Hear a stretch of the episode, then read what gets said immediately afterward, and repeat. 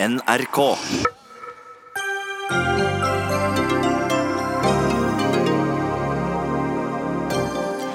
Så gikk Berit Svendsen av i Telenor. Ble hun dårlig behandlet, eller valgte hun bort mulighetene hun ble tilbudt? Kjønnsbalansen i Telenor er iallfall for dårlig, mener medlemmer av regjeringen. Fremtiden til Viken-regionen er fortsatt helt i det blå. I dag besluttet fellesnemnda å utsette behandlingen av en mulig utsettelse. 150 ordførere har signert et opprop der de ber regjeringen revurdere rovdyrspolitikken og mobilfrie skoler. Kan det være fremtiden, mon tro? Det tror Høyre i Trondheim iallfall, til jubel fra barne- og likestillingsministeren, som gjerne vil ha mobilen bort fra alle skoler.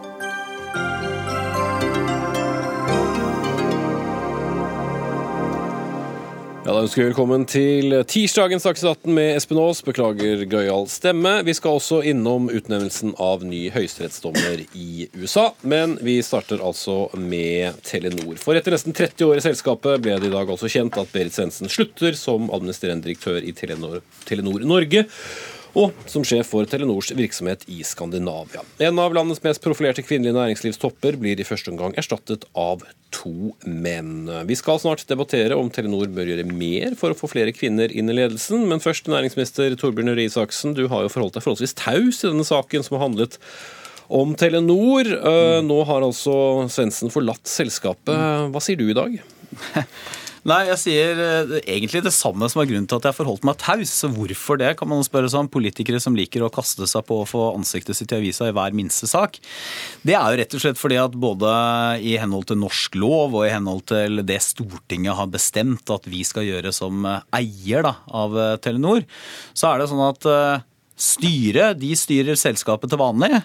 Eh, og så er vår jobb å forvalte eierskapet. Og Det betyr at det vi gjør da, er f.eks. å ha tenker på mangfold i styrer eksempel, eller mangfold i ledergruppa, så sier vi at selskapene har en forventning og, og krav på seg til å jobbe systematisk og målretta for å få mer mangfold i ledergruppene sine. Eh, men vi driver ikke løpende kommentatorvirksomhet eller bestemmer hvem som skal inn og ut av en ledergruppe, for det er rett og slett styrets ansvar. Mm. Og nå um, har det i hvert fall blitt foretatt eh, en endring. Hvordan eh, vil du vurdere mangfoldet i dagens ledelse? Ja, altså, vi, Da må jeg nesten skille to ting. da? For Jeg har eh, prøver da å være veldig eh, nøye og presis på å ikke gå inn og være en type løpende kommentator i det som skjer akkurat nå. Berit Svendsen, hvorvidt hun skal være der eller ikke. Rett og slett for at det er styret sin oppgave. Men så er det sånn at regjeringa eh, og Stortinget har sagt at alle selskaper hvor staten er inne, skal jobbe systematisk og målretta med mangfold i ledergruppene sine i selskapet også. Og Det er rett og slett for at det er bra for lønnsomhet på sikt. Det er bra hvis vi skal være en attraktiv arbeidsplass. Det er bra for det norske folk som skal ha avkastning på de pengene vi har satt i store selskaper. Og det er en forventning til alle.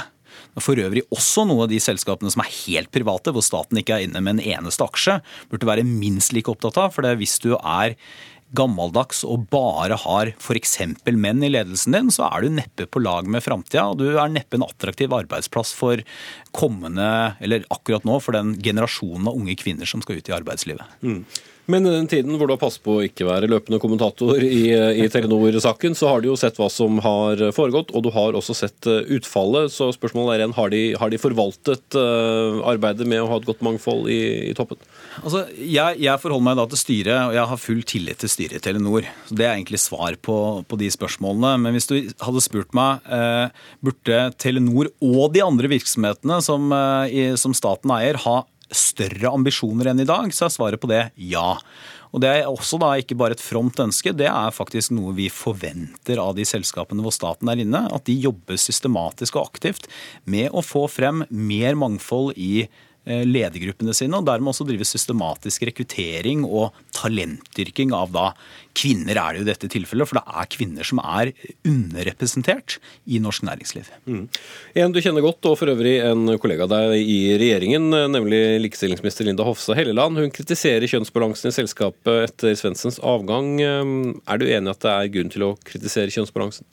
Altså jeg, jeg, er helt enig med Linda, min kollega i regjeringen, eh, i det at eh, de selskapene som vi har, de har en forventning om at de skal jobbe med mangfold og kjønnsbalanse i ledergruppene sine. Og ikke bare fordi vi er idealister, men fordi vi mener det er bra for lønnsomheten til selskapet på sikt også.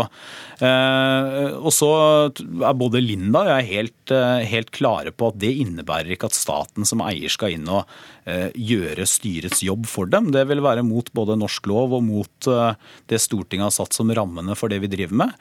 Men forventningen om mangfold, den er viktig, men det innebærer jo ikke en en, en, løpende kommentatorvirksomhet om hvem som skal inn og ut av en konsernledelse. Det, det, det holder ikke med. Oss. Uh, Helleland sier også at neste gang hun treffer Sigve Brekke, så vil hun gi henne noen råd om eh, fant du den stolen, om, om mer mangfold i, eh, i, Telenor. Det kan hende du treffer ham først. Uh, vil du også gi noen råd om uh, mer mangfold? I alle de selskapene som staten er inne så har vi jevnlige møter eh, med selskapene. Da er det først og fremst styrene vi forholder oss til. Og da spør vi hvordan jobber dere systematisk målretta for å oppfylle det Stortinget har sagt og regjeringa har sagt, nemlig at vi vil ha mer mangfold i ledergruppene. Og det er spørsmål vi også stiller Telenor, og det kommer vi til å fortsette med å stille Telenor og andre selskaper. Men du vil ikke gi råd, slik eh, Linda Hofstad Helleland antyder at hun vil gjøre? Nei, jeg tror ikke, jeg tror ikke jeg skal gi råd som sådan, men det er jo også sånn at jeg, jeg er jo næringsminister og sitter og forvalter dette eierskapet. Og min gode kollega eh, Linda Katrine Helleland er barne- og likestillingsminister og har en viktig jobb. og Vi har nå faktisk gått sammen i det jeg tror er historisk i Norge. For nå har våre to departementer gått sammen og laget felles prosjekter for hvordan vi skal klare, sammen med næringslivet, å få kvinneandelen opp. For det er ikke noen tvil om at kvinneandelen i norsk næringsliv er for lav. og Man går glipp av mange talenter i dag og i fremtiden hvis man skal være attraktive arbeidsplasser. Mm. Vil det være med på å kunne legge føringer for hvorvidt det vil være en kvinne eller mann som bør bekle neste topplederjobben i Telenor? Altså, det, det, er jo igjen da styrets ansvar. Da. Eh, men når vi utpeker styrer, f.eks., som er eh, en av tingene som staten gjør, enten alene eller sammen med andre der vi bare eier deler av et selskap, så er vi opptatt av at vi skal ha 40 andel selvfølgelig der det er lovpålagt, men at vi også skal ha eh, god kjønnsrepresentasjon. At vi skal få fram gode kvinnelige styreledere og gode kvinnelige styremedlemmer. Mm.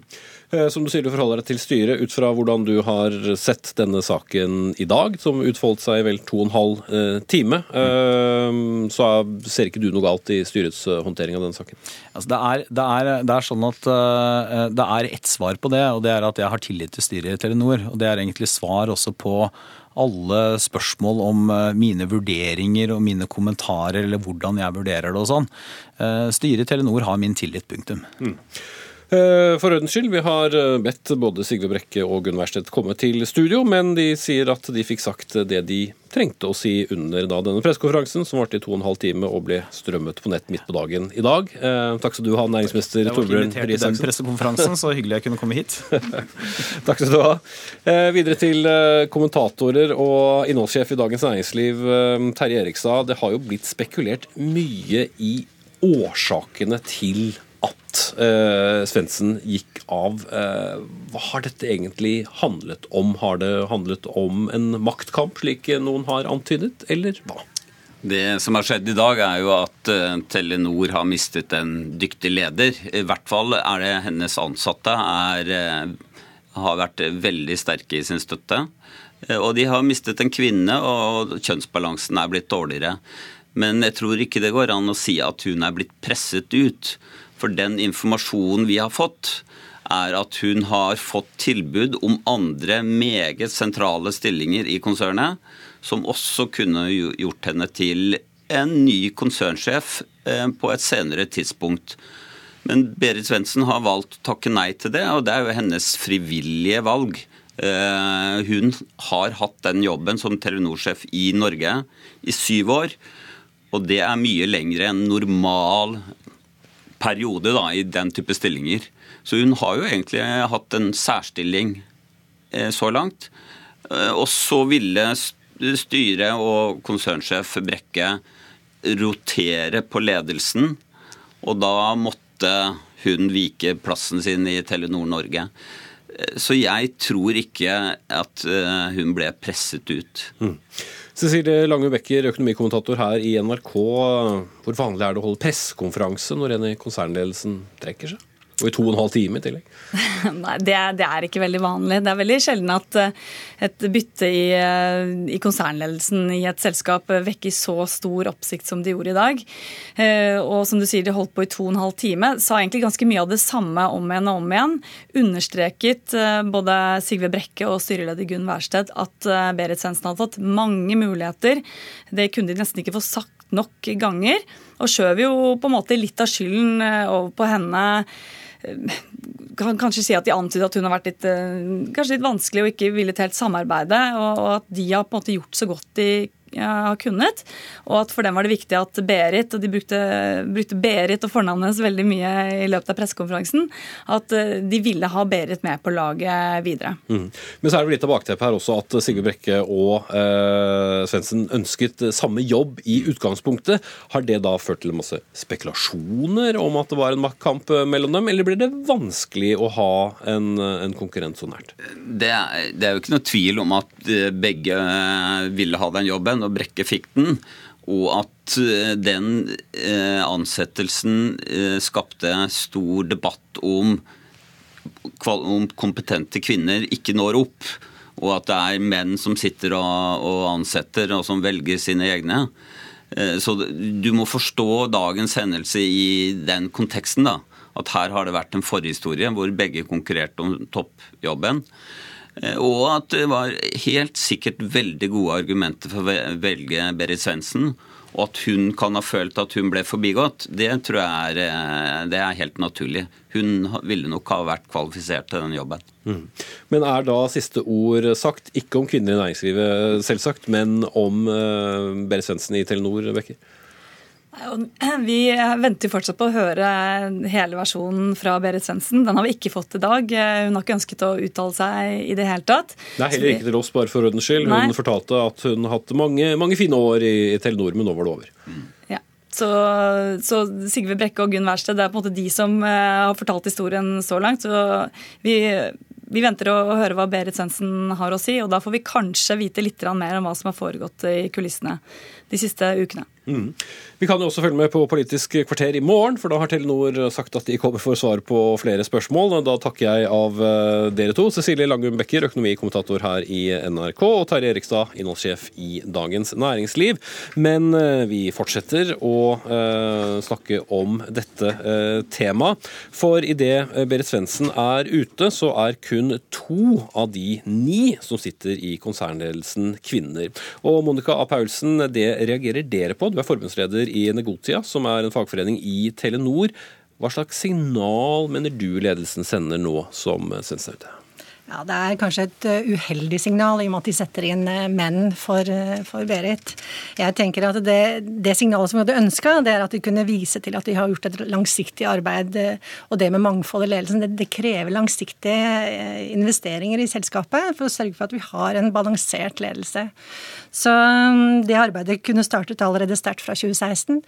Og det signalet de gjør nå, det er å sette inn i mann isteden. Og det skaper veldig mye energi. Ja, for all del. Det var jo nok av debatt om hvorvidt det var rette mann, eh, som, eller rette person om du vil, som fikk eh, jobben eh, da han eh, ble eh, tilsatt, og ikke Svendsen. Men har Telenor et kvinneproblem? Eh, vi tør å hevde det, i og med at de har så lav representasjon av kvinner i, i ledelsen. Så de har absolutt noe å jobbe mot. Men eh, er de kompetente, de mennene som sitter i dagens ledelse? Det skal ikke jeg uttale meg om. Jeg tenker at det blir opp til Telenor å, å vurdere. Mm. Men eh, vi påpeker at de har en utfordring med tanke på mangfold. Og det er et langsiktig arbeid, og det må de sørge for å få på plass. Mm. Det handler om å ha shortlister på plass, sånn at når sånne situasjoner oppstår, så har man noe å plukke fra. Ja, altså flere kandidater. Mm. Det er ikke bare dere som har reagert. Dere får støtte fra fagforbundet NITO, EL og IT-forbundet også i, i, Telenor. Hva er det folk sier innad i dag? For uh, vi har jo snakket med mange i dag, vi òg. Vi skjønner at dette har vært, uh, det har vært veldig omdiskutert og en, en sak som snakkes om. Og det er forskjellige historier som fortelles. Helt åpenbart forskjellige opplevelser, men det vi ønsket å si, det var å være tydelig på at vi ønsket å takke Berit Svendsen for den fantastiske jobben hun har gjort i konsernet. Hun har skapt utrolig god tillit, gode resultater for Telenor Norge, og det er for oss veldig synd at hun trer ut i dag. Mm. Eh, Susanne Kalusa, du er daglig leder i selskapet Ski Community, som jobber for å fremme likestilling i næringslivet. Hva slags signal sender Telenor eh, med konsernledelse som eh, har et såpass stort flertall av menn?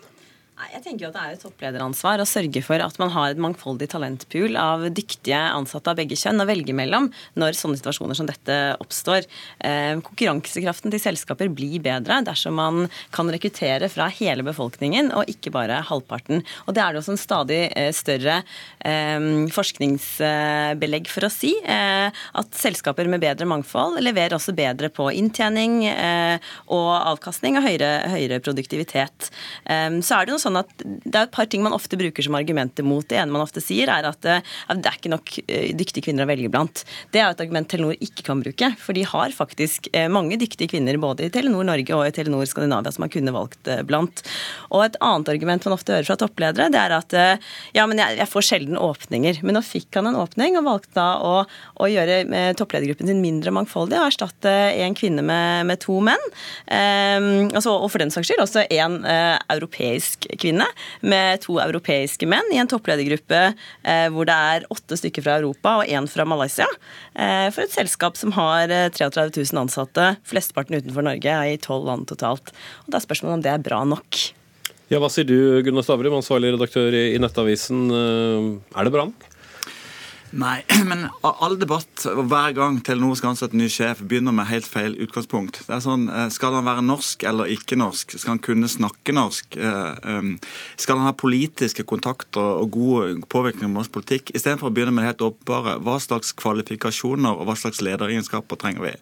Du sa han på alle de for øvrig. Ja, og, og, det har vært bare menn, så det er ikke helt ubevisst at jeg sa det. Og så er det, er det sånn at selvfølgelig Hvis du setter som kriterium at vedkommende må være fra Norge, snakke norsk, ha politisk politiske kontakter og lang altså Du setter opp masse kriterier som gjør at du, du har jo ingen kvinner å velge blant. Hvis du derimot sier det som er det åpenbare, nemlig at Telenor er et av verdens største teleselskaper, har en verdensomspennende virksomhet eh, og kan rekruttere på øverste hylle i hele verden, så er det klart at Telenor kan finne gode kvinnelige ledere som kan bekle både toppledelsen og, altså, og konsernledelsen i Telenor. Men sier du at vi må ikke bli for opphengt i det, og, og må først og fremst tenke kompetanse? Ja, jeg syns vi skal overhodet ikke eh, legge noe særlig vekt på at du skal være norsk og ha, og ha eh, gode kontakter med det politiske miljøet i Norge. Altså, staten eh, eier 54% av Telenor. Telenor er verdt nesten 235 milliarder kroner. Det er ganske mange andre som har investert både sine egne penger og sine arbeidsplasser i Telenor. og Da trenger du en toppledelse som er kvalifisert og kompetent. Mm. Og du trenger en mangfoldig toppledelse. Det er jeg enig i. Mm. Jeg bare støtter veldig det Gunnar sier der. Altså, dette er jo et glimrende bevis på at Telenor ikke har hatt en god nok etterfølgerplan. Altså, mens andre ledere har liksom succession plans for hva som skal skje hvis noen i ledergruppa si faller fra, hvor mangfoldet er et viktig perspektiv. Ikke bare på kjønn, men også på en, en bredde av erfaringer og bakgrunner. Eh, så er det altså her eh, en eh, europeisk dame som går ut, og to europeiske menn som, som går inn. Og så, vet du at sant, Dette er jo ikke bare viktig for næringslivet. I dag for eksempel, så lanseres et initiativ som heter Hun bør stille som handler om å få flere kvinner inn i kommunestyrene. Og nettopp fordi at vi tenker at det gagner oss alle at vi har et størst mulig bredde blant de som sitter og bestemmer. Det gir flere perspektiver, og det gir bredere beslutningsgrunnlag når viktige avgjørelser skal tas. Mm. Det gjelder i aller høyeste grad et så stort og viktig selskap som Telenor. Eh, Telenor er jo én ting. Hvis vi løfter blikket litt, for i politikken så har vi jo flertall av kvinnelige partiledere. og Vi snakker jo nesten ikke lenger om, om ikke, det. Så med i næringslivet så er det en sånn evig tilbakevendende debatt. og man får, altså, Vi har stilt spørsmål mange ganger selv, men vi gjør det om igjen om igjen. Hvorfor er næringslivet annerledes? Kan en toppleder i næringslivet bare gå med bukse og altså, Vi er ikke gode nok i politikken heller, det må bare sies. Altså, vi er så vidt nådd 40 kvinnelig representasjon på Stortinget. Eh, blant ordførerne våre så er de aller, aller fleste eh, hvite middelaldrende menn. Ok, Men hvis vi hurtig går tilbake til næringslivet, og hvorfor den i hvert fall, det i hvert fall har en, en enda dårligere fordeling? Det som er litt spesielt, det er jo at etter vi innførte den nye loven om, om, kvinne, om representasjon og likestilling i styrene, så har jo ikke det hatt noen særlig påvirkning overhodet på, på antallet kvinnelige ledere. Eh, og det, det, er litt rart, for det skulle man tro det, det gjorde. Det tyder jo på at, at, kulturen i mange selskaper fortsatt er veldig mannsdominert. Og jeg mener at det, det er et grunnleggende problem i Telenor. At nesten alle som sitter der, har sittet der i mange tiår og har historie nesten tilbake til Televerket. Mm. Og jeg tror at Telenor virkelig burde rekruttere noen personer utenfra for å gjøre noe med den kulturen. Mm. Da må vi sette strek der. Takk til Gunnar Stavrum, ansvarlig i eh, Nettavisen, Susanne Karuza, daglig leder i selskapet Ski Community, og Monica A. Paulsen, forbundsleder i Negosia, fagforening i Telenor. Dagsnytt 18 alle hverdager kl 18.00 på NRK P2 og NRK2.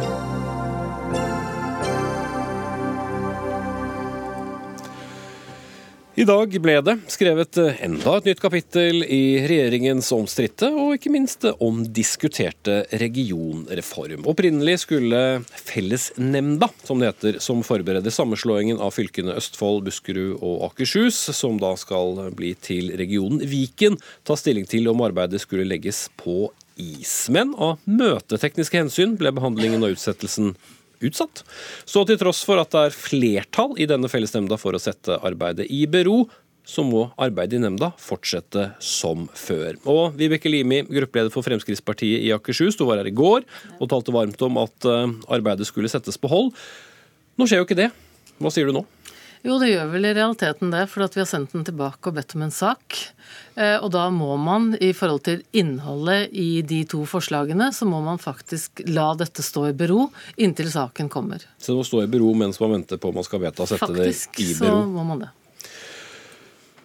Er dette bra? Jeg hadde jo håpet at vi hadde votert over forslagene i dag, og at vi hadde på en måte fått landet dette, men det gjorde vi ikke. Nei, fordi uh, dette er jo da en, uh, en, stor eh, region. Og Anette Solli, fylkesordfører i Akershus fylkeskommune. Hva er din forklaring på at det, det endte sånn? Det er ikke noe verre enn at vi får saken utredet. For dette her var jo et forslag som ble lagt på bordet som ikke sto på dagsordenen og som ikke var utredet. Så nå får vi det utredet frem til vårt neste møte. Og da får man se konsekvensene og hva det vil Si å stemme for disse forslagene. Og da kan fellesnemnda ta sitt, eh, sin avgjørelse på et eh, belyst grunnlag. Mm. Det tror jeg er lurt. Men, med men Limi, måtte det gå så langt? Altså, Ja, vi mener fortsatt at Finnmark er uavklart. Og man vet faktisk ikke hva som til syvende og sist skjer i Stortinget i forhold til det. Det er ingen politikere meg bekjent fortsatt som har turt å si vi skal tvangssammenslå dem. Det er et stortingsvedtak, det står, det står, jo flertallet bak, det står regjeringen bak. Eh, det er ikke diskusjonen i forhold til denne regionreformen. Det er rett og slett et spørsmål om det ene fylket som ikke innordner seg et stortingsvedtak. Og det og så lenge det er up in the air, og vi ikke får et svar på hva som kommer ut av det, så kan det ha en påvirkning. Fordi at det er en helt unaturlig inndeling av disse regionene. Og det er helt vanvittig at Viken med 1,2 millioner innbyggere skal bestå, gitt og det, da gjentar jeg meg selv, at Finnmark eventuelt skulle få slippe å tvangssammenslås. Mm, og vi har et uh, vedtak som er gjort i Stortinget, og som står. Uh, og det er det man trekker i tvil at kan, uh, kan omgjøres. Ja, for Der vil jeg gjerne trekke inn et annet godt program her i NRK, nemlig Politisk kvarter i morges. For der følte mange at det kom en avklaring fra KrF. Fordi nestleder i Kristelig Folkeparti, Lingo Ropstad, sa der sitat, Vi har hatt en plan hele veien, og det er å gjennomføre regionreformen. Var det avklarende, eller var det ikke avklarende? Det var ingen nyhet, det. Altså, Kristelig Folkeparti og Venstre var jo de som ønsket en regionreform. Eh, at de nå sier Men det var også de som sikret flertall? Og som sikret flertall. Men ja, ja, ja selvfølgelig. At, eh, men det var jo dem som i utgangspunktet forhandlet dette inn i regjeringen. Eh, og at de står på det fortsatt, det skulle bare mangle. Allikevel så er det jo noen i KrF som har sagt noe annet. Og det er heller ikke dementert fra dem. Så fortsatt så mener vi at det kan oppleves som uavklart. Soli, er det, det er gjort et vedtak. De har sagt at de står bak det. Eh, det er litt vanskelig for oss som fylkespolitikere å drive og gjette på hva Eh, man egentlig mener med vedtakene sine nå som de er gjort. Og det var gjort for andre gang. Jeg vet ikke hvor mange omkamper vi må ha. I hvert fall så er det et vedtak, og det må vi forholde oss til. Og det sier jo de andre fylkeskommunene rundt omkring i landet også. Mm. For uh, Limi, til sjuende og sist så skal du jo tilbake da å komme med en avklaring. For uh, Monica Mæland har jo sagt at uh, det uh, trengs. Det har hun sagt her i, i, NRK. Men tror du at det ikke blir noe av Viken? Nei, Skal jeg være helt realistisk, så tror jeg det blir et Viken. Men jeg har et håp om at noen innser at disse delingene, eller altså inndelingen er dårlig, og at man bør se på også Viken, gitt at man diskuterer Finnmark seriøst. Mm. Men er det riktig å bruke så lang tid uh, i en region med 1,2 millioner mennesker uh, på noe som sannsynligvis kommer til å da ende med slik eh, regjeringen har sagt det kommer til å gjøre? Dette er skattebetalernes penger. Og disse forhandlingene, eller det, som, det, arbeidet som skjer i region Viken, er jo nettopp at man forhandler frem nye datasystemer, vi skal bygge et nytt, eller i hvert fall leie et nytt eh, fylkeshus. Vi snakker om flere milliarder i investeringer. Og det er klart at det bør eh, stå i bero inntil man vet helt sikkert at det er sånn det blir. Mm. Selv om Fremskrittspartiet er for å ha færre fylkeskommuner, og vi vil få det ved å gjennomføre regionreformen. Ja, regionreformen står der det er inndelingen vi snakker om. Mm. Men spørsmålet da blir jo hvis noe, noen representant eh, over eh, nyttår sier at vi tar opp eh, spørsmålet enda en gang, for dette er jo tredje gangen, skal vi da stoppe igjen? Eller skal vi rett og slett ha respekt for at det er gjort et vedtak, og de partiene som gjorde det, har stilt seg bak det og bekreftet at de fortsatt mener det?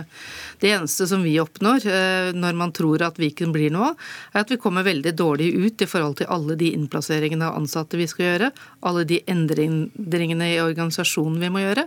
Så, så det er ikke sånn at vi, vi, kommer i en bedre situasjon i Viken, vi kommer bare i en dårligere situasjon. Mm. Jeg må jo også stille spørsmålet, Har dere gjort dere noen tanker om eh, hva slags forhold folk får til politikere etter dette, når det gjelder vedtak som føles og ikke føles? Jeg tror faktisk at noen, eller svært mange, setter stor pris på at vi tør å løfte denne debatten, og at jeg som medlem av Fremskrittspartiet og gruppeleder i Akershus tør å gjøre det. Og jeg utfordrer ikke regjeringen. Jeg utfordrer rett og slett bare inndelingen. Og jeg håper at man våkner og ser at dette har vært uheldig. Eh, folk flest er jo imponerende hvordan de på en måte heier opp og sier at vi ser jo disse spørsmålene eh, NRK har stilt ute på gaten. Alle sier Viken. Altså det er jo altfor stort. Og det er så veldig mye større enn alle de andre fylkene. Og det er jo nettopp det som er, eh, er problemet.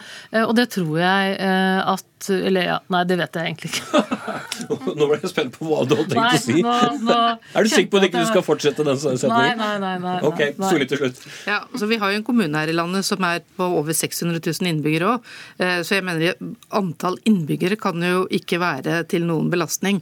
Og vi må jo registrere at det er i dette området rundt Oslo det bor mange mennesker. Det er typisk for oss. Og vi må klare oss å organisere oss sånn at vi kan løse utfordringene våre på best mulig måte. Og det er Viken et godt forsøk på. Mm.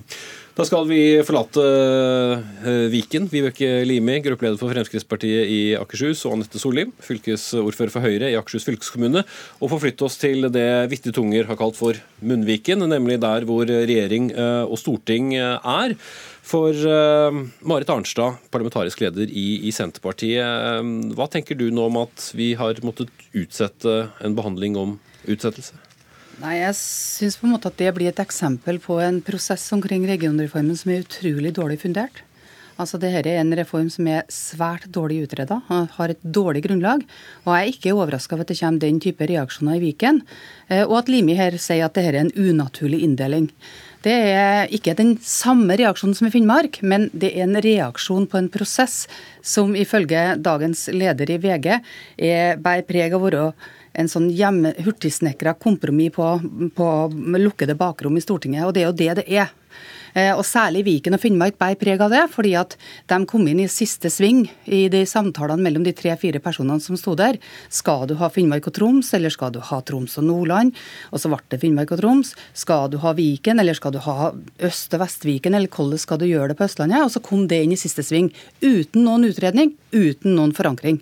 Så dårlig funderte prosesser, da blir det reaksjoner, og det forstår jeg godt. Mm. Men så er det andre reaksjoner, bl.a. fra Trøndelag som du kjenner, eh, hvor mange nå er litt utålmodige over og spør hva skjer nå? Vi har jo kommet eh, langt på vei her. Men Trøndelag var jo en frivillig prosess.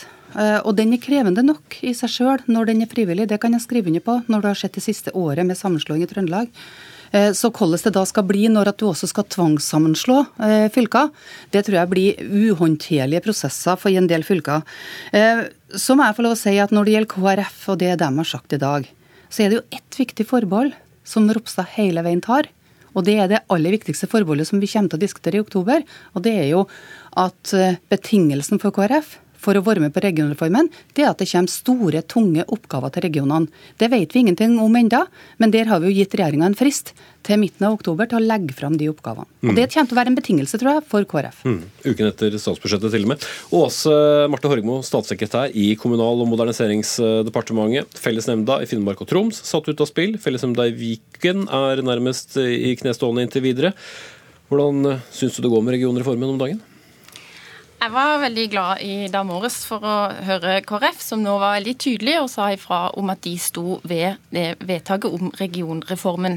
Men med Region... lite forbehold, da, som Arnstad peker på? Regionreformen går videre. Det det handler om nå, det er jo å gjennomføre det vedtaket som Stortinget har fatta, ikke bare én gang, men to ganger. Men så skjønner jeg at det er noen som har behov for å ha en tredje gjennomgang. Men jeg mener det vi har behov for nå, det er at eh, fylkene kan få arbeidsro til å gjennomføre de prosesser de skal i gang med. Det mm. fortjener de ansatte, det fortjener innbyggerne. De skal gjøre en viktig jobb med å bygge de nye regionene. Men eh, hvis da Ropstad taler på vegne av eh, partiet, så er det vel godt for alle at vi får en, eh, en siste runde. Og så virker det som du stoler på at han og KrF sikrer flertall for regionreformen for en tredje gang, hvis det skulle være nødvendig. Ja, Det de har sagt i dag, det viser jo det for så vidt som ikke vi er overrasket med, nemlig at de står ved denne avtalen. De, eh, det betyr at det er ikke endra et flertall i Stortinget nå. Og Det betyr at det er ikke grunnlag for at eh, prosessen skal stoppe opp. Tvert imot. Dette handler om at vi skal gjennomføre den prosessen. Mm. Og eh, Det som selvfølgelig er det fylkene vil ha garantier på, og for så vidt da KrF som Arsa peker på, er jo at man flytter da makt og beslutningsprosesser ut, som skal være litt av poenget. Ikke bare det å ha færre fylkeskommuner. Eh, hva slags eh, garantier eh, får de? Nei, Det er jo grunnleggende, og det er vår grunnholdning òg, at vi skal flytte makt og beslutninger nærmest mulig innbyggerne. Vi har hatt et ekspertutvalg som har kommet med sine forslag. Nå jobber vi med å komme med våre forslag. Så i midten av oktober der skal vi legge fram regjeringas forslag til nye oppgaver. Mm. Og Arnstad, hva slags forsikringer eh, ville Senterpartiet ha for å i hele tatt uh, kunne uh, godta dette? Altså, altså, Senterpartiet har en helt annen innfallsvinkel til dette. for Vi har jo foreslått en oppgaveoverføring til fylkene basert på dagens struktur. Vi mener at fylkene er gode eiere i dag av de videregående skolene. De er gode samferdselseiere, og de vil være i stand til å gjøre flere oppgaver òg i framtida. Men, men det som blir sagt nå fra departementet, betyr jo at det er jo en helt nødvendig runde vi nå får i Stortinget i oktober. Fordi da får vi se om regjeringa holder det de lover når det gjelder oppgaver, og kommer med nye oppgaver. Og så kommer også vi til å legge inn forslag der vi får mulighet til å diskutere særlig Finnmark og Troms, men også Viken på nytt, for det tror vi er nødvendig. Mm. Etterpåklokskap er jo en uh, fin og eksakt uh, vitenskap. Uh, Horgmo, burde det vært utredet bedre først? Dette har vært utreda. Regionreformspørsmålet har jo vært utreda mange ganger. Altså tilbake til dere satt i regjering. Så dette er jo ikke et område som ikke er utreda. Når det gjelder konkret denne saken, så har det vært bl.a. åpen høring i Stortinget. Saken har vært utreda. Vi hadde også i proposisjonen eh, et forslag som var begrunna og utreda. Eh, så denne saken er godt nok utredet. utreda. Men det virker ikke som du har noen plan hvis noen sa nei, eh, f.eks. Med, med Finnmark. Eh, det altså, lå ikke helt inne. Det norske systemet er jo et tillitsbasert system. Der det er sånn at når Stortinget har vedtatt noe, da må politikere, om det er lokalpolitikere eller uh, fylkeskommunale politikere, og oss i regjering, vi må gjennomføre det. Det er ikke sånn at det er frivillig å følge opp stortingsvedtak. Og er, Vi har heller ikke sanksjoner, og det skal vi heller ikke ha. Fordi eh, det er et gode at det er et tillitsbasert eh, samfunn. Men Arbeiderpartiet har jo sagt i dette studioet også lokalt at eh, de kan stå på så lenge det er eh, krefter igjen. Og da er jo spørsmålet må man også prøve å få vedtatt en slags Lex Troms og Finnmark som må instruere fylkespolitikerne i Finnmark og samarbeide med fylkespolitikerne i Troms? Dette er et eh, regionalt ansvar. Det er fylkeskommunene og de folkevalgte som har ansvaret nå for å få dette gjennomført. Stortinget har vedtatt eh, den strukturen som eh, vi nå diskuterer, og det er fylkeskommunene som har ansvaret for å gjennomføre det. Mm. Men eh, det vil de altså ikke. Arnstad til slutt. Nei, altså jeg tror at Det er riktig at, Norge er jo et tillitsbasert samfunn, men den tilliten må jo gå begge veiene. Så vi må jo også lytte når at eh, det blir sterke reaksjoner, eh, som det har blitt i Finnmark, og som det nå er i Viken. Og, og jeg har lyst til å understreke at Den høringa som Stortinget hadde, det var ikke noen høring om Finnmark og Troms. Det var ikke noen høring om Viken i seg sjøl, det var en allmenn høring om regionreform. Og jeg tror at de her to bitene av regionreformen de kommer til å fortjene en mye grundigere behandling i Stortinget i høst, og det er jeg glad for at vi får muligheten til. Mm. Bare å glede seg til eh, oktober, altså. Takk til Marit Arnstad, parlamentarisk leder i Senterpartiet, og Åse Marte Horgmo, statssekretær i Kommunal- og moderniseringsdepartementet fra Høyre.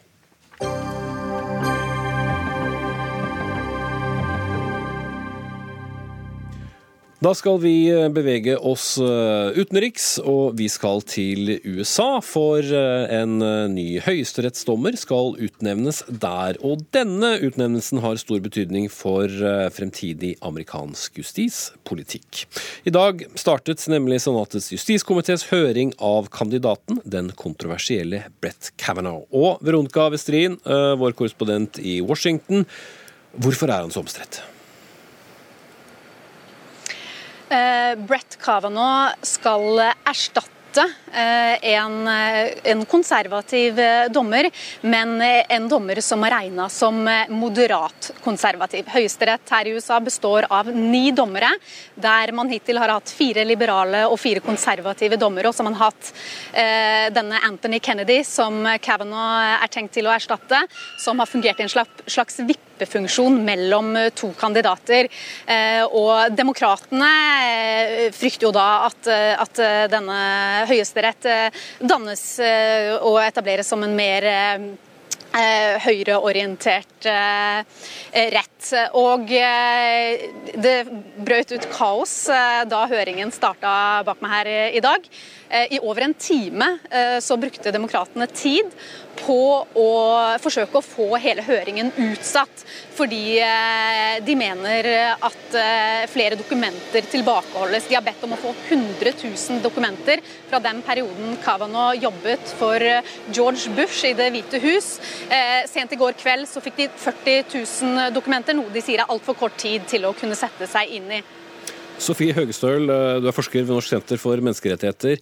Ja, altså Hvordan fungerer da denne utnevnelsen? For det høres jo ut som en uh, prosess som nærmest ikke er menneskelig å komme gjennom. Nei, og det, det har jo blitt vanskeligere og vanskeligere. Altså, går vi 20-30 år tilbake i tid, så var det ikke så politisk som det det er nå. Det har blitt uh, svært politisk, ikke minst fordi at under uh, Obama så utnevnte jo han en høyesterettsdommer som senatet da ikke godkjente, for det er presidenten som utnevner, men senatet må godkjente. Og det som skjedde i 2016, det var at republikanerne, som da hadde flertall, det er jo flertall som skal til for å få noen godkjent. Eh, de trenerte den høringen. De valgte å ikke ha en høring, for de sa vi kan ikke ha en høring i et valgår. Eh, og når man da står to år senere i et valgår, og de får lov til å utnevne, eh, da er jo den politiske splittelsen fullt ut fullkommen.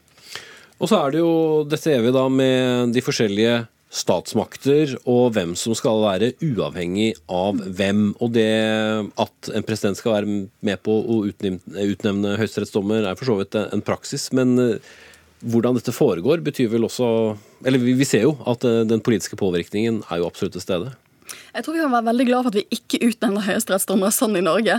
Um, for det har skapt en, en politisering av amerikansk høyesterett som ikke er Som har ført til at når man gjør undersøkelser i det amerikanske folket, så er det flere og flere og flere som ser Høyesterett som et politisk virkemiddel, som et politisk instrument. Og det er jo litt der vi er når vi snakker om hva er en konservativ dommer, hva er en liberal dommer, for det snakker vi ikke om i Norge.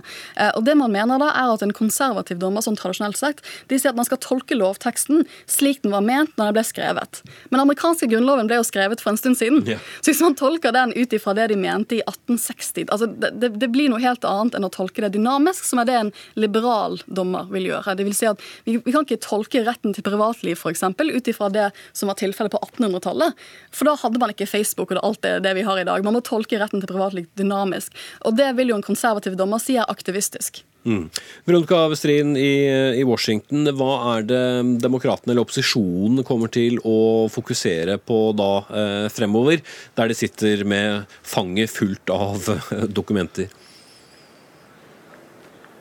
Ja, altså Det er jo en grundig utspørring av eh, denne kandidaten Kavanaugh, som nå skal, er tenkt å vare i fire dager. Det er venta at demokratene spesielt kommer til å legge vekt på abortspørsmålet. Der har Kavanaugh tidligere valgt å ikke uttale seg helt konkret om hvordan han stiller seg. Eh, her i USA så var det jo en dom i 1973 som har lagt premisset for hvordan man tolker abortlovgivningen i, i landet, og hvor man, hvor man åpna for at det er lov.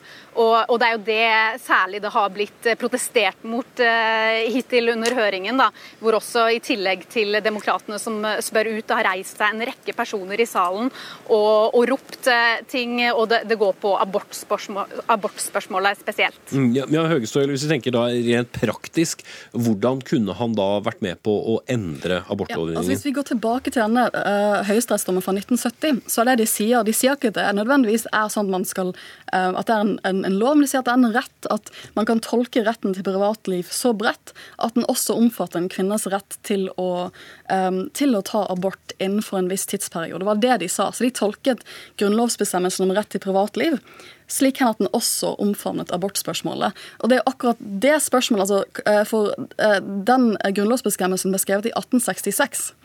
Man tenkte nok ikke på abortspørsmålet i 1866, man har tolket det dynamisk. For at der man var i 1970, så var det også en rettighet som kom under den retten til privatliv.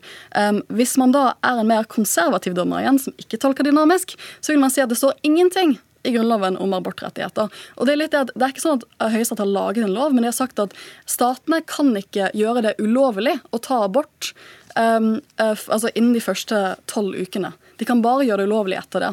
Så det som vil skje, hvis man skulle oppheve Roe versus Wade det som vil skje er at en rekke Så var det man gjerne kaller ja. en roving? Ja. ja så, det, så, så det som vil skje i praksis, er at en, del, en rekke konservative stater vil vedta altså, totalforbud for abort. Og det har allerede begynt. Eh, South Carolina, som er en konservativ stat, vedtok for noen uker siden en veldig veldig streng abortlov. Eh, og den ville jo, vanlig, den ville jo vært grunnlovsstridig under denne høyesterettsdommen. Hvis den høyesterettsdommen faller bort, da er den lovlig. Så man vil da ha en situasjon hvor abort vil fortsatt være lovlig i New York, men det vil ikke være lovlig i Sør-Carolina. Mm -hmm. Til slutt, eh, Veronica Westrin i Washington. Eh, hva bør vi følge med på i denne høringen og dagene som kommer? Det er jo alle disse spørsmålene til kandidaten eh, som blir eh, spennende å følge med på. Og det er jo venta at eh, f.eks. demokratene her vil benytte den anledningen til å markere seg, noe de for alvor gjorde i dag da de starta en time med ønske om å utsette hele høringen. Det er flere potensielle demokratiske presidentkandidater som sitter i justiskomiteen og, og deltar i denne høringen. Så f.eks. Kamala Harris, som har vært en av dem som, som har etterlyst dokumentene og brukt mye tid eh, på denne saken, er jo blant de det blir spennende å følge med på hvordan vil markere seg i denne høringen. Takk skal du ha, Veronica Westrin, vår korrespondent i Washington, og Sofie Høgstøl, forsker ved Norsk senter for menneskerettigheter.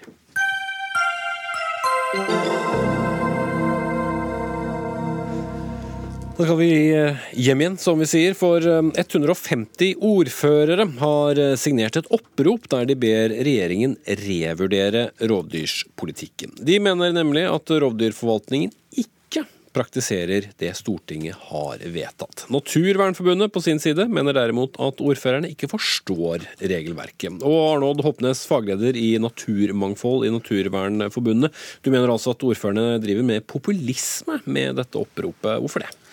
Det er fordi at de eh, villeder statsminister Erna Solberg og klima- og miljøminister Ola Elvestuen og landbruks- og matminister eh, Bård Hoksrud, fordi at de kommer med en rekke feilaktige påstander, en rekke halvsannheter og udokumenterte Eh, ting i brevene sin til eh, regjeringa med statsministeren i front. Mm.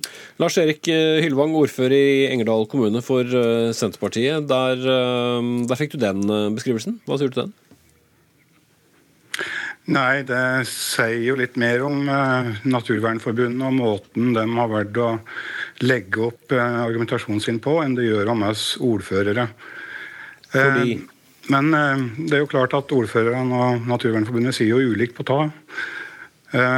Vi ordførere har jo ikke misforstått. Jeg tror folk kjenner sine ordførere som fornuftige, sindige og saklige folk.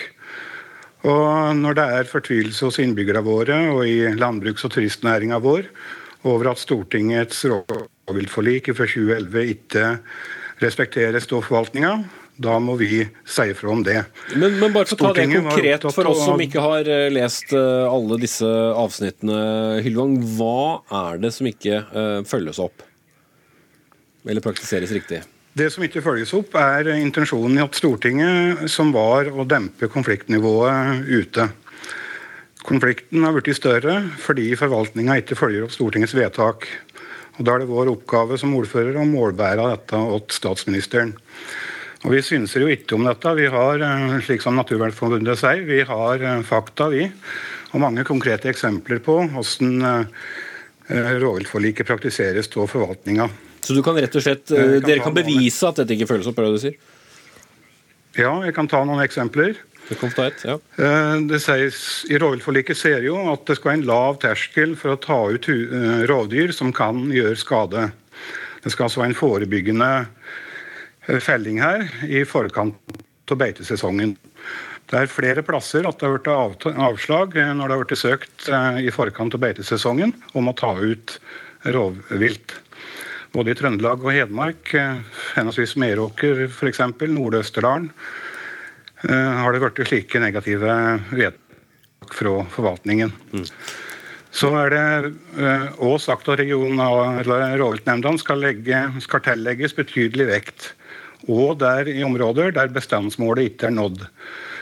Vi har eksempler fra region 6, Sunndalen. Ja, nå der, blir det eh, mange eksempler her. Jeg stopper deg der, Hylvang, og så gir jeg ordet til deg, Håpnes og, og Naturvernforbundet. Nei, Det hevdes jo her at det skal være forebyggende skyting av rovdyr i forkant av beitesesong. Det sier jo stortingsforliket ingenting om, men det kan åpnes for det i tilfeller der det er, eh, har vært ekstremt stor skade året før.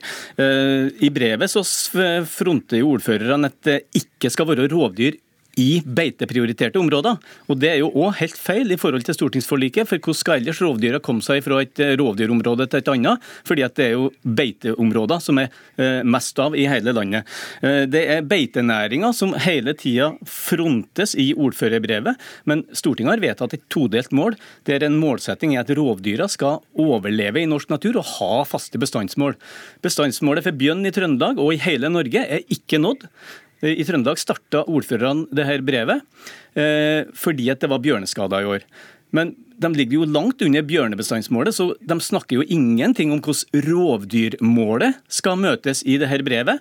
Og de holder all den økologiske og biologiske kunnskapen vekk fra diskusjonen som eh, skal gjøres med statsministeren. Og det mener vi er veldig uheldig, fordi at eh, rovdyrforlika fra 2004 og 2011 og legger vekt på naturmangfoldlov med økologisk og biologisk kunnskap og med rovdyrmåla som eh, skal ivaretas på lik linje med beitenæringsmål. Mm. Ja, Hylvang, dere er ikke så opptatt av målene om antall rovdyr? Jo, det er vi. Og så må jeg jo si da, at bestandsmålet for både ulv og jerv er nådd. Og da skal det jo forvaltes. Og når det gjelder forvaltningen av bjørn, som, eh, som Oddnes, nå, eh, Oddnes nå tar opp, så står det òg i forliket at det skal legges til grunn at virkeliggjøring av bestandsnivået for bjørn ikke skal kreve areal utover omfanget av dagens yngleområder. Nå ber departementet om at områdene skal utvides i det området. Og at, eh, som du var inne på her, skal oppbyggingstakten for å nå bestandsmålet for bjørn det skal ta hensyn til nødvendig tid til tilpasninger for betebrukere og lokalsamfunnene generelt. Så det skal altså være et langsiktig mål. Den skal bruke god tid. Ok, Håpnes. Nei, Det er jo ikke noe langsiktig mål. altså. Hvis ulven kommer så vidt over bestandsmålet, så krever jo eh, Senterpartiet og ordførerne i Norge at den skal skytes ned med en gang. Bjørnmålet har vi ikke nådd på 15 år. Så bjørnmålet, bestandsmålet for bjørn må vi jo nå gjennom å redusere avskytinga av bjørn i Norge. Det som er gledelig, det er jo at eh, tap av sau til rovdyr går betydelig nedover. I ordførerbrevet så ropes det om at matvaresikkerheten i Norge er trua fordi at rovdyra tar sin del av eh, sau. Eh, går ned. Og I tillegg så har nettopp eh, Nortura sendt 1000 eh, tonn sauekjøtt rett i minkfarmene og i, som revefôr på, eh, på revefarmer. 1000 tonn sau det tilsvarer dobbelt så mye rovdyr, nei, dobbelt så mye sau som det rovdyr tar og antatt tar i 2017. Mm. Så, så det den, den delen er en litt annen debatt, men ja, tallene fra Naturoppsyn viser at antall sau, døde sau har gått ned i år. Hylvang, da har det vel blitt en bedring? Det er ikke noe rart at eh, tallene for uh, rovdyrtaien sø har gått ned. Det blir bete i stadig færre områder. Det er færre bruk og færre aktive utmarksbeter. I ulvesona og områdene rundt ulvesona er det bortimot tomt for betedyr i utmarka. Flere dyr går på innmark. Der uh, utmarksbete blir tatt inn i bruk i mye kortere tidsrom enn før. Det blir tidlig pålegg om tidligsanking. Det er klart at dette da blir eh, mindre rovdyrtatt sø. Men hvis målet for rovdyrpolitikken, noe den ikke er, da, er å legge ned betenæringa, så er det riktig som Naturvernforbundet sier. Da er eh, rovdyrpolitikken lykkes. Men det, det er jo ikke målet.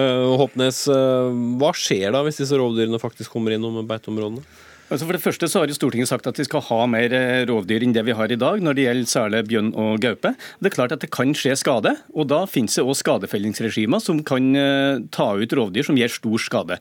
Det fungerer rimelig godt i dag. Men når ordføreren her hevder at det er en trussel mot sauenæringa, altså antall sau i Hedmark har gått oppover de siste fem åra, antall sau i Trøndelag har gått oppover de siste 15 åra, og det er mer sau i dag i Norge enn det var for 20 år siden. Så det at dette er en trussel mot næringa, det er ikke, ikke tilfellet i det hele tatt. Så her må næringa bidra til å sikre rovdyrbestandene i norsk natur, i tillegg til at vi skal ha en utmarksbeite i Norge. Da må jeg sette strekk, og så konkluderer jeg vel med at dere har i hvert fall lest disse dokumentene på hver deres måte. Arnold Hopnes, fagleder i Naturmangfold i Naturvernforbundet, og Lars Erik Hylvang, ordfører i Engerdal kommune for Senterpartiet. Hør Dagsnytt 18 når du vil Radio NRK Radio.nrk.no.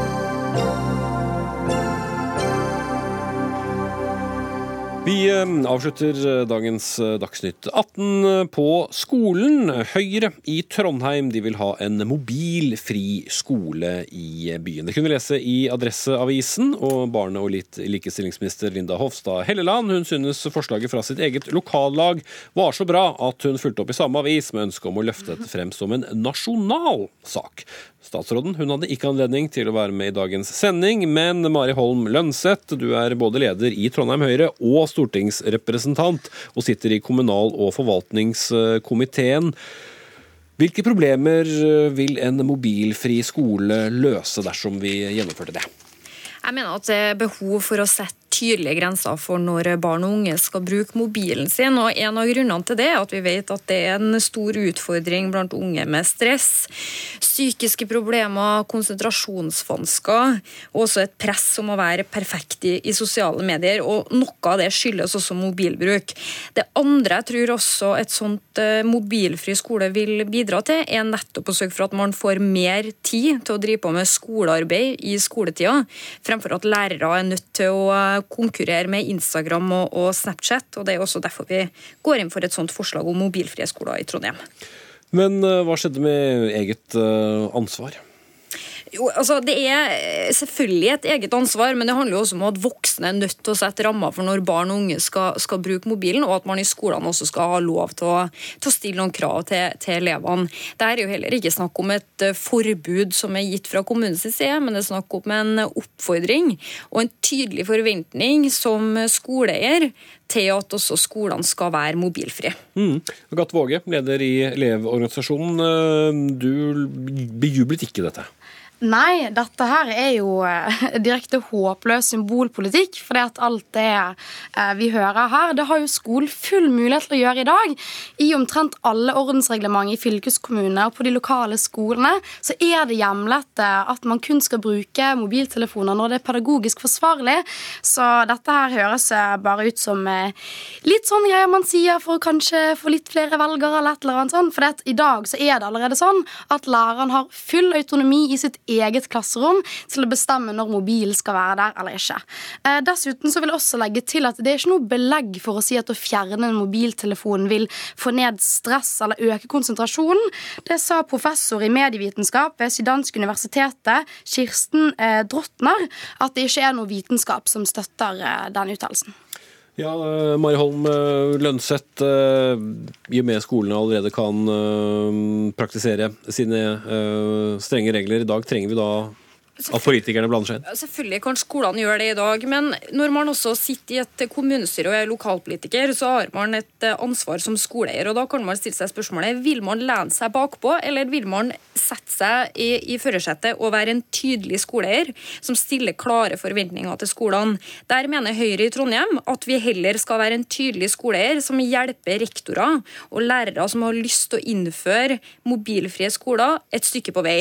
Og Det er også en av grunnene til at vi gjør dette her. Og som man ser for eksempel, I Trondheim så er det jo allerede noen skoler som er mobilfrie. En er med Hoeggen skole. Der melder altså elevene også om at de får en bedre hverdag, at de snakker mer sammen, og at læringsmiljøet blir bedre.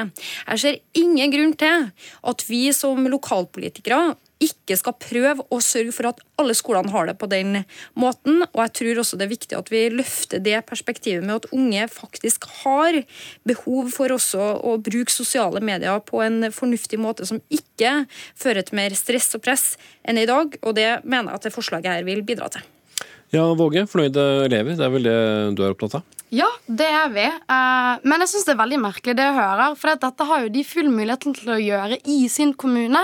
Så jeg skjønner egentlig ikke helt hva poenget med dette her skal være. Det virket visst eh, bedre, ifølge Lønseth her. Ja, men sant, her har man verken støtten fra elevene eller lærerne. Og jeg tenker sånn at når lærerne selv i Utdanningsforbundet sier at de ikke vil ha et nasjonalt forbud, så er det jo de man må lytte til. Men, de er eh, veldig fornøyd det... med det kunnskapsminister Jan Tore Sanner, som er ansvarlig for dette, sier. At dette her, det er skoleeier skoleeier og skoleledernes ansvar, og det er vi helt enige med han i. jeg tror kanskje vi snakker litt forbi hverandre, for vi har heller ikke tatt til orde for et eh, nasjonalt forbud. Tvert imot så har vi sagt at det er et av de forslagene som Trondheim Høyre kommer til å ta inn i sitt program. Og jeg håper også at det er flere andre kommuner som vil se til det her og gjennomføre det her etter kommunevalget neste år. Så Det er altså ikke snakk om et eh, nasjonalt forbud, og det er heller ikke snakk om et lokalt pålegg. For her tror jeg faktisk at skolene er nødt til å finne ut hvordan de gjør på best mulig måte, i samarbeid med rektorene, lærerne, elevene og foresatte. F.eks. For Hoeggen, som jeg nevnte i sted, de har brukt ett år sammen med elever, lærere, foresatte til å komme fram til et godt regelverk som fungerer godt for dem. Og jeg håper også at flere skoler vil se til det, nettopp for at alle elever fortjener et godt læringsmiljø. Men sa du nå egentlig at det var opp til skolene å finne den beste løsningen likevel? Ja, det er det som er hele forslaget fra Trondheim Høyre. At skolene sjøl er nødt til å finne ut hvordan de innretter den mobilfrie hverdagen sin. Men er det ikke det de gjør i dag? Det gjør de i dag. Men det er derfor vi også sier at vi forventer at alle skoler gjør det her. Da lurer jeg på hvorfor politikerne måtte inn hvis de skal fortsette å gjøre det de gjør i dag? Det er ikke alle skolene som gjør det her i dag. Og det er nettopp for å gi alle lærerne og rektorene muligheten til å innføre det her, for at de allerede, ikke allerede har gjort det. En mulighet til å gjøre det. Vi ser at det er noen skoler som fortsatt ikke har gjort det. Og vi vil veldig gjerne være en tydelig skoleeier som bidrar til å backe dem i det arbeidet. Våge. Ja, eh, Da virker det egentlig som at vi i utgangspunktet er enige i at det er noe man må bestemme lokalt. Det er jo fint å vite. Eh, men noe jeg syns er veldig merkelig, at det er folk som går rundt nå og sier at eh, lærerne ikke skal på en måte konkurrere mot Instagram eller konkurrere mot Facebook. Det er jo ikke det dette handler om. Og så synes vi ofte at debatten om mobilforbud blir en slags avsporing. da. Fordi altså, I alle år har man snakket om man skal forby sånne nye ting som kommer i skolen, for det kan liksom stjele konsentrasjonen fra elevene. Men Jeg vil heller snakke om hvordan vi kan skape en god skole med gode lærere og inspirerende og relevant innhold som gjør at elevene eh, lettere følger med og lærer på skole, istedenfor bare å snakke om billige, håpløse forbud. Det tror jeg sikkert også Mari Holm Lønseth uh, ville være enig i, men uh, det får hun ikke tid til å snakke om. Jeg sier takk til dere begge. Agathe Våge, leder for Elevorganisasjonen, og Mari Holm Lønseth, leder i Trondheim Høyre og stortingsrepresentant i kommunal- og forvaltningskomiteen. Og da er vi ved veis ende. Ansvarlig for sendingen, Jar André Mikkelsen. Teknisk ansvarlig, Marianne Myrhol. Jeg heter Espen Aas og beklager en stemme som var et eller annet sted mellom lim og sand, som David Bowie en gang sa om stemmen til Bob Dylan. Vi er tilbake igjen i morgen.